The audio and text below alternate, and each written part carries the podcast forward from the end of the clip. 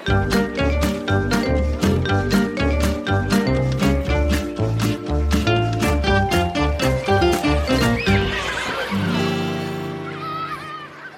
gjør det dårligere enn jentene på skolen, det viser rapporter, og slik har det vært i mange år. Men er det bare guttas feil, eller handler det om en skole som er best tilpasset jenter og jenters måte å lære på?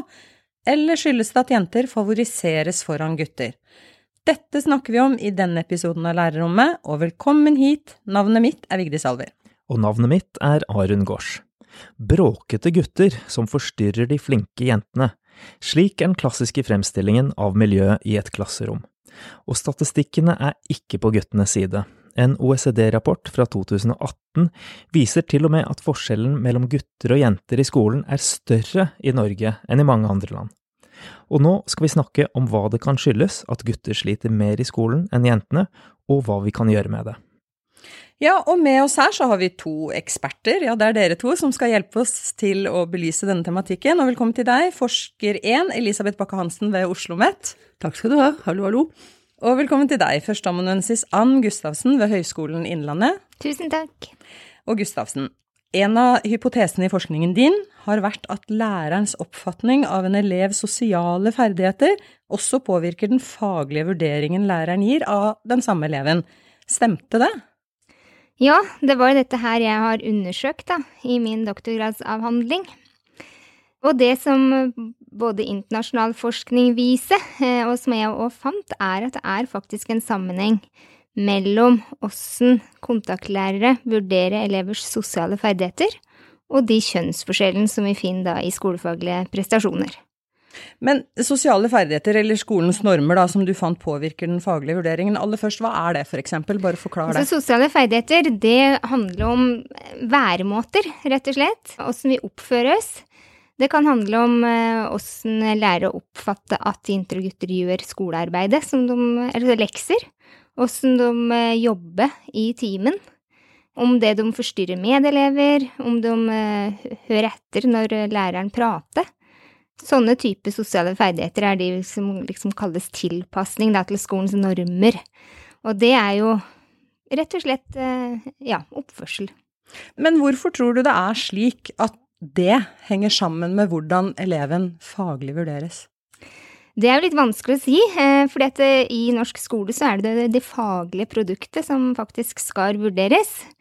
Men en hypotese er jo kanskje at, eh, at dersom det er ei jente og en gutt som leverer et likt faglig produkt, da, og så sitter jenta stille og rolig og jobber aktivt med dette faglige produktet, mens gutten eh, gjør det litt mer i skippertak, eh, flyr litt rundt og bråker osv., så, så kanskje det er med å påvirke da lærerens vurdering av, av dette produktet. Ja, for du fant jo denne sammenhengen uavhengig av om eleven var faglig dyktig eller ikke, og du fant ut at det går mye mer utover gutter enn jenter. Hvorfor det? Ja, altså det som jeg fant, var at den sammenhengen er like sterk for gutter og jenter. Altså de sosiale ferdigheter, som enten er jenta sine ferdigheter eller gutten sin, så påvirker det like sterkt i forhold til eh, lærerens mm. vurdering. Men det er sånn at eh, kontaktlærere vurderer da gutters sosiale ferdigheter betydelig lavere enn jenters i snitt. Og dermed går det utover den faglige vurderingen. Mm. Ja, det er jo over 2000 elever du har hatt med her, fra første til tiende, tiende klasse. Mm. Det er også gjort andre studier av det, som du nevnte sjøl, at en vurdering av skoleprestasjoner reflekterer mer enn bare kunnskapene eleven har, og liksom, hva forteller det? Nei, det handler da om at det er eh, Altså når lærere skal drive vurderingsarbeid, eh, så, så farges det, den vurderinga av andre elementer som du nevner, og deriblant da sosiale ferdigheter. Sånn at, eh, og dette her tror jeg at lærere ikke nødvendigvis er så bevisst sjøl, for det er ikke noe vond vilje hos lærere dette her handler om, men det handler om at kanskje at de må bevisstgjøres litt i forhold til hva er det som vurderes. Ja, Vi nevnte jo innledningsvis at gutter gjør det dårligere enn jenter på skolen. Vi må jo bare føye til at generelt sett så er det ikke sånne enorme mm. kjønnsforskjeller i uh, skolen når det gjelder prestasjoner, og det er heller ikke slik at alle gutter gjør det faglig dårlig og alle jenter er faglig best. Men Gustavsen, tror du det er sånn at lærernes forventninger generelt sett er lavere til gutter enn jenter? Det kan tyde på det. Eh, i hvert fall da i forhold til når de da vurderer sosiale ferdigheter så øh, systematisk forskjellig eh, fra gutter til jenter, for da kan det undres er det faktisk sånn? Altså har gutter så mye lavere sosiale ferdigheter enn jenter? Og det spørsmålet som jeg bruker da i den undersøkelsen min, det er jo ikke det objektive. Altså det er ikke sånn at de sitter og krysser opp et avkrysningsskjema for ting som de faktisk ser, men de krysser opp for åssen de tror ting er, og da er vi på oppfatninger, og det er ikke faktiske observasjoner. Sånn at da kan jo disse oppfatningene farges litt av de forventningene som de har til jenter og til gutter. Men eh, Bakke Hansen, det er Mhm. vel ikke bare lærernes feil at gutter gjør det dårligere på skolen? Nei, det er jo et veldig komplekst fenomen det der, med, med jenter og gutters skoleprestasjoner. Altså det man vel vet, er at det er sånn gruppeforskjellene mellom jenter og gutter, hvis du tenker intelligens og sånn, så er ikke de veldig store. Altså forskjellene innen gruppa er mye større enn forskjellene mellom grupper. Så både blant jenter og gutter så finner man både gløgge og dumme individer og de som er midt på treet. Det finner man. Så det, det vet du, det, det, så du kan ikke ta det der. Og så har det vært veldig diskutert om denne femininiseringen av skolen har betydning, altså at det er altfor mange kvinnelige lærere. Men de finner vel, altså sist jeg så på det, det begynner å bli noen år siden, jeg vet ikke om det er ny forskning siden, men da var det jo heller ikke slik at overvekt av kvinnelige lærere nødvendigvis hadde så veldig stor betydning. Så man vil ofte legge det litt, liksom et hakk opp på systemnivå, altså hvordan er det skolen tilpasses, ikke bare hvordan den enkelte læreren sier har det. Ja, for du mener at dette her ikke bare er guttas problem heller? Overhodet ikke. Det er egentlig et systemproblem. For det hjelper ikke Altså, jeg, jeg har gått på skolen i en tid hvor gutter ble, ble favorisert fremfor jenter, og så hadde man en svær reaksjon på det. Og så har man fått en skole kanskje nå som favoriserer jenter fremfor gutter, men det hjelper jo ikke det. Altså, da får man kanskje en ny backlash da, om noen år man går tilbake igjen. Altså, det er jo mulig å vite, men man må jo prøve å finne ut hvordan begge kjønn skal gjøre det bra på skolen. Og forskningen om liksom hvordan få gutter til å gjøre det bedre, er jo veldig mye knyttet opp mot at hvis man lager undervisningsopplegg som alle profitterer på, så profitterer også guttene på det. Og det er en fordel. Sånn at man tenker helhetlig. For jeg tenkte på det også når jeg, dro hit, at du har gutter og jenter, men du har jo også overårige og underårige barn. Altså du har de som er tidlig modne og seint modne. Du har innvandrerbarn, forskjellige minoriteter, du har unger som kommer hit som nesten ikke kan norsk. Altså det er mange ting i en skole som kan påvirke hvordan det går. Og det blir kanskje litt sånn mytepreget eller litt sånn ensidig å bare si at dette handler om gutter og jenter. Ja, jeg vil holde litt fast på Mm. dette her, fordi i 2014 allerede så gikk du gjennom forskning på kjønnsforskjeller i skoleprestasjoner, og kom til at det som kan redusere kjønnsforskjellene, ofte er tiltak som bedrer nivået til alle elevene. Ja. Og dette dreier seg altså om en lang smørbrødliste. Eh, Blant tiltakene du foreslår, er inkluderende skolekultur Mm. og det å bygge fellesskap i klassen. Men hvordan i all verden skal dette gjøre noe med guttenes skoleprestasjoner? Altså det er vel litt sånn type hva slags kunnskap man etterspør også, det tenkte jeg også på. For altså jeg, selv har jeg to sønner, og så har jeg fire barnebarn, hvorav tre er gutter, bare for å ha sagt det. og en av de jeg skrev sammen med, den, den kunnskapsoversikten, var jo også da nevropsykolog med tre sønner. Så vi var begge to litt opptatt av det der, det, det er veldig sånn på at gutter er så dumme og gutter er så urolige og sånn, og vi var ikke så veldig opptatt av at det nødvendigvis er så riktig. Men, men øh, altså er det noe med hva, hva verdsetter man? Altså Er det slik f.eks. at man sier man verdsetter jenter, og, gutter også, som da følger skolens normer, men kanskje de som ikke gjør det like bra, har de også noen kunnskaper og ferdigheter og gode egenskaper som man ikke verdsetter? Og er det noe man kan verdsette? Altså Kan man verdsette en unge som er full av, full av futt og fart, istedenfor å si du er en urokråke som burde sitte stille? For eksempel. Altså Man kan gjøre en masse ting sånn, som handler om å redefinere hva man sier om det man ser, for eksempel. Det kan man gjøre. Og så kan man tenke fellesskap, som, som vi har skrevet om. Altså dette gjelder hele klassen, hele skolen, det gjelder ikke bare deg. Mm. Du var så vidt innom det, dette er med, med tydelig klasseledelse. Ja. Hvorfor er det, eller er det, særlig viktig for guttene? Altså det er vel viktig å ha Nei, det vet jeg ikke. Det var kanskje det du skulle si litt om? Det som jeg tenkte først, men jeg kan si det etterpå, men eh, i forhold til disse sosiale ferdigheten, eh, som, som jeg òg finner da i min avhandling, så er jo det disse tilpasningsdyktige, altså de ferdighetene som er viktige i forhold til tilpasning. Og, så, og det er det som lærere I en annen studie, som eller andre studier som jeg viser til, så er det liksom de som, som lærere fremmer veldig i forhold til som er viktigst for skolefaglige prestasjoner. Men så kan du diskutere er det de til aller mest tilpasningsdyktige elevene vi på en måte ønske, altså hvis en skal tenke i framtida for å klare seg senere i livet, er det bare de som er tilpasningsdyktige? Hva med de som er litt kritiske, som tør å si fra?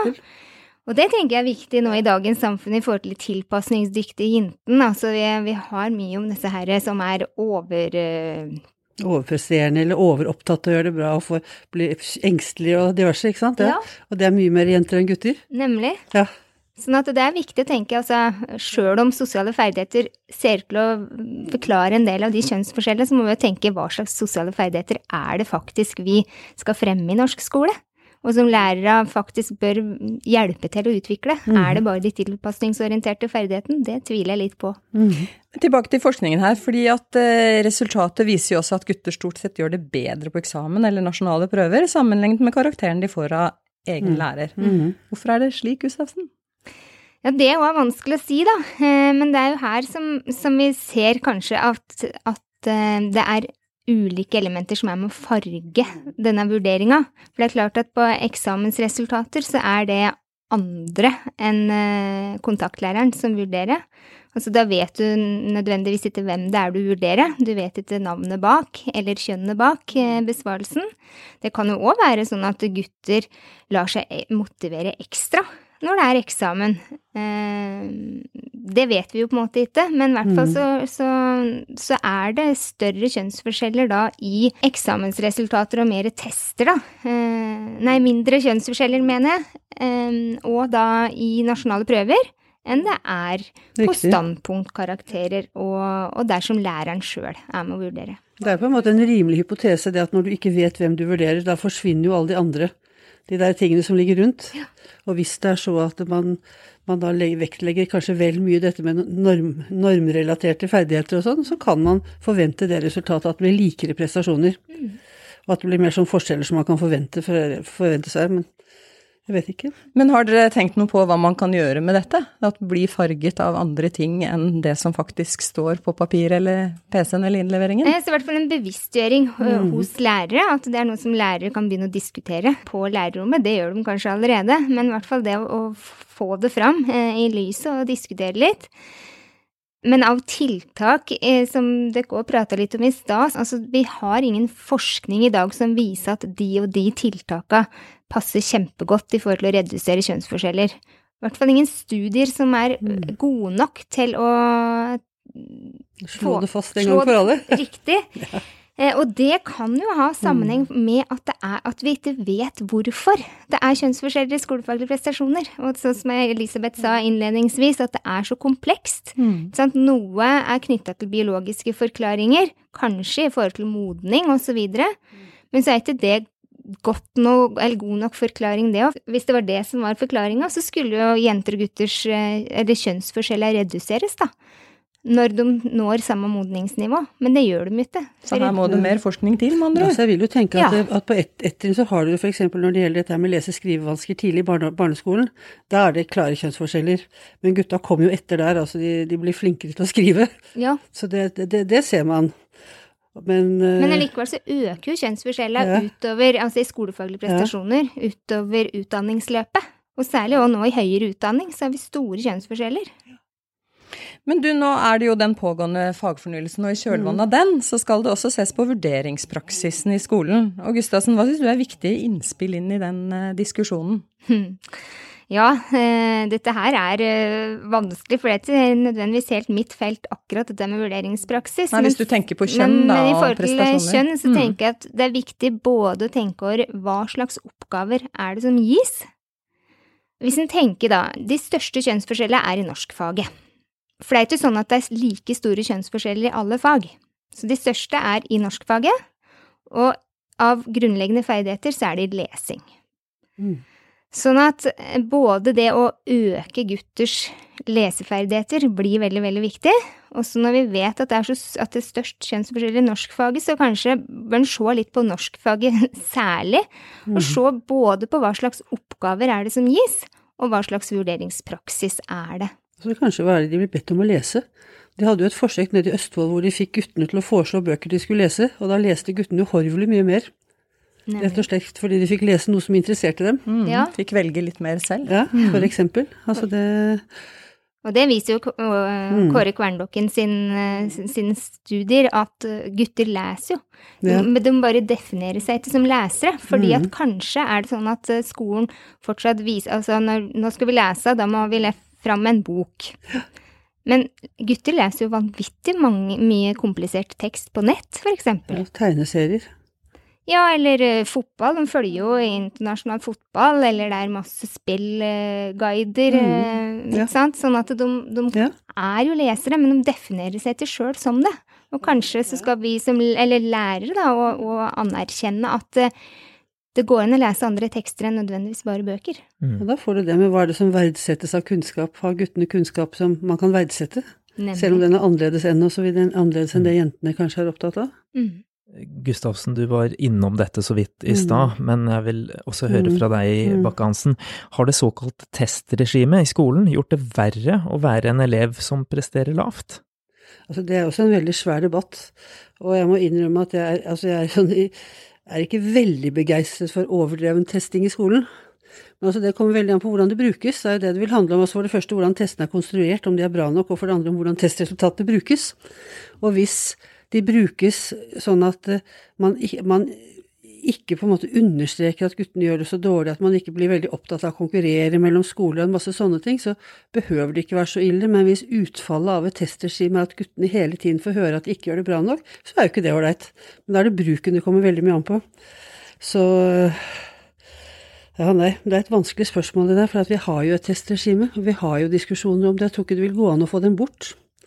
Så det blir mer en diskusjon om hvordan de skal være for at de kan hjelpe lærere og elever til å komme videre, enn at man skal bruke dem til å ha sånne portaler hvor du kan gå inn og lese 'Min skole er nummer 193 av 205', mm. liksom. Mm. Så det er den rangeringsproblematikken, tenker jeg, som det er viktig å ta tak i. Mm. Mm. Stoltenberg-utvalget har foreslått flere tiltak for å utjevne kjønnsforskjellene og blant dem er eh, fleksibel skolestart, som skal gjøre det mulig for såkalt umodne gutter å bli mer skoleklare. Er det et godt forslag, syns du? Jeg vet ikke. Altså, dette handler også litt om sånn underårige og overårige. I Norge så er det slik at du begynner på skolen innenfor det året hvor du er født, da innen 31.12. I England så er den samme cutoffen er 1.9. Så hvis du er født etter 1.9. der, så må du vente et år før du da begynner på skolen. Og vi har, det er veldig mye forskning, og den er ikke bare guttepreget på at de som er født seint på året, de kan streve en del rett og slett fordi de er født seint på året i forhold til de som er født tidlig på året. Så du kan si fleksibel skolestart kan kanskje hjelpe for de som er umodne, enten det er gutter eller andre. Men det som har vært sagt hittil, for, for, det er jo en del unger som da er født seint på året, særlig som er litt små og litt sånn tafatte og sånn, så sier de jo Men samtidig er de veldig ofte intellektuelt veldig modne. Så de er skolemodne i hodet, selv om de ikke er skolemodne i kroppen. Og da har man gjerne rådet til at de ikke skal begynne for tidlig. Og man har også veldig nå gått bort fra en praksis hvor noen hopper over en klasse. Det gjorde man jo mer før, men det gjør man ikke i det hele tatt lenger, så du blir på en måte gående på trinnet ditt. Ja, så det er ikke per definisjon en god løsning å åpne for at mange kan vente, altså. For det kan jo virke veldig stigmatiserende òg. Hvis du da går i barnehagen og så får du beskjed nei, beklager, du, er, du får nok vente et år. Ja. Og det, ja. Jeg det er vanskelige vurderinger, altså. Det skal være forsiktig med. Da er det bedre å heller eh, tilpasse så godt en kan, da. Innenfor skolens rammer. Ja, så ta med seg at du vil da ha særlig visse faser i skole, skolehverdagen. Så vil du ha unger født i februar og unger født i desember, og de som er født i februar kan virke både ett og to år eldre enn de som er født i desember. Rett og slett fordi også for å få pubertetsutvikling på forskjellige tidspunkt, og det, får en masse ting som kan virke inn. Du, avslutningsvis, mm. eh, om du generelt sett skal trekke fram ett tiltak som du tror aller mest på, hva vil det være? Jeg ville nok legge det på systemnivå, altså og si at, at vi, må, vi, må, følge Hattie, den engelske forskeren vi har sitert i den, den kunnskapsoversikten vår. Prøve å, å, se på tiltak som hever fungeringen generelt på skolen, ikke bare ta gutter og jenter hver for seg. For Det er det eneste som vel har vist seg å ha noen effekt, tror jeg. Men det vet jo du mer om, du har jo vært gjennom dette her nyere enn jeg har. ja. Nei, men jeg tenker helt enig med deg at det er viktig å tenke helheten, ikke bare gutter og jenter. Eh, og heller mer hvem er det vi som trenger noe ekstra? Hvem er det som er de sterke som, som må løftes der? Men så har vi jo en del forskning på skoler med små kjønnsforskjeller. Mm. Og hva er det da som kjennetegner de skolene? Og så gå nærmere inn og se der. Og det som, som kommer fram der, er blant annet at der er det gode lærere som har en god allmennpedagogisk praksis. Og da gagner det både jenter og gutter. Tenke helhet og gode lærere, og med det så eh, avslutter vi denne episoden av Lærerrommet, rett og slett. Tusen takk til deg, Elisabeth Bakke-Hansen og Ann Gustavsen, for at dere var gjestene våre. Arun og jeg, vi sier også takk for oss. Det gjør vi, Vigdis, men Lærerrommet er tilbake om ikke lenge med enda et nytt tema fra utdanningsfeltet. Hør på alle episodene våre i din podkastkanal. Ha det godt. Ha det! Ha det. Música